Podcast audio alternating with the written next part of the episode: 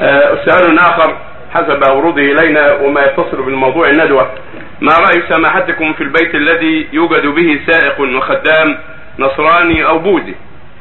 وهذا خطر على الأسرة. فهل من كلمة تقدمونها في كل مناسبة لأجل إنقاذ هذا المجتمع؟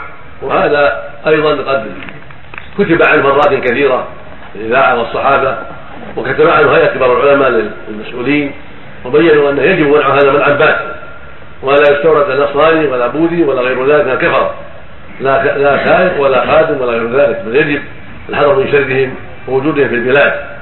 ويجب أيضا القضاء على العمال من الكفار والا يبقى إلا من تدعو الضرورة اليه بصفه خاصه استثنائيه للضرورة كما ألقى النبي صلى الله عليه وسلم في خيبر للضرورة ثم طرده عمر بعدما أمر النبي بإخراجه من الجزيرة عليه الصلاة والسلام.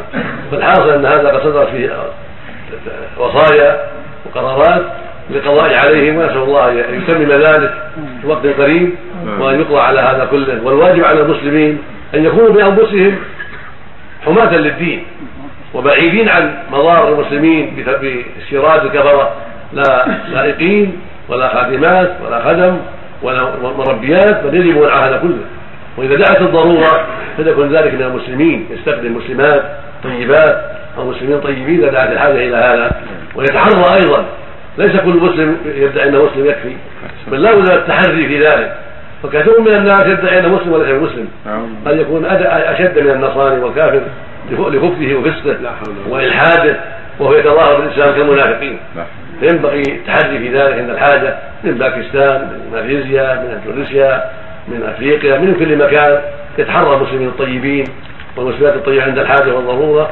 وما ما امكن الغنى عن الاستيراد فهو خير له وأسلم. أما النصارى وكفر من سائر الكفار من بوذي أو شيوعي أو غير ذلك فالواجب ترك ذلك والحذر من ذلك والا يستورد كافرا أبدا. ولا شيء هذه الجزيرة.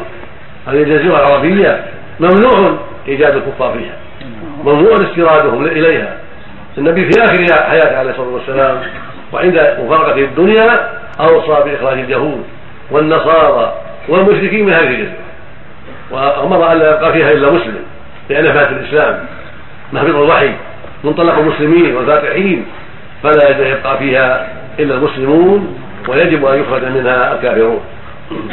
الله المستعان نعم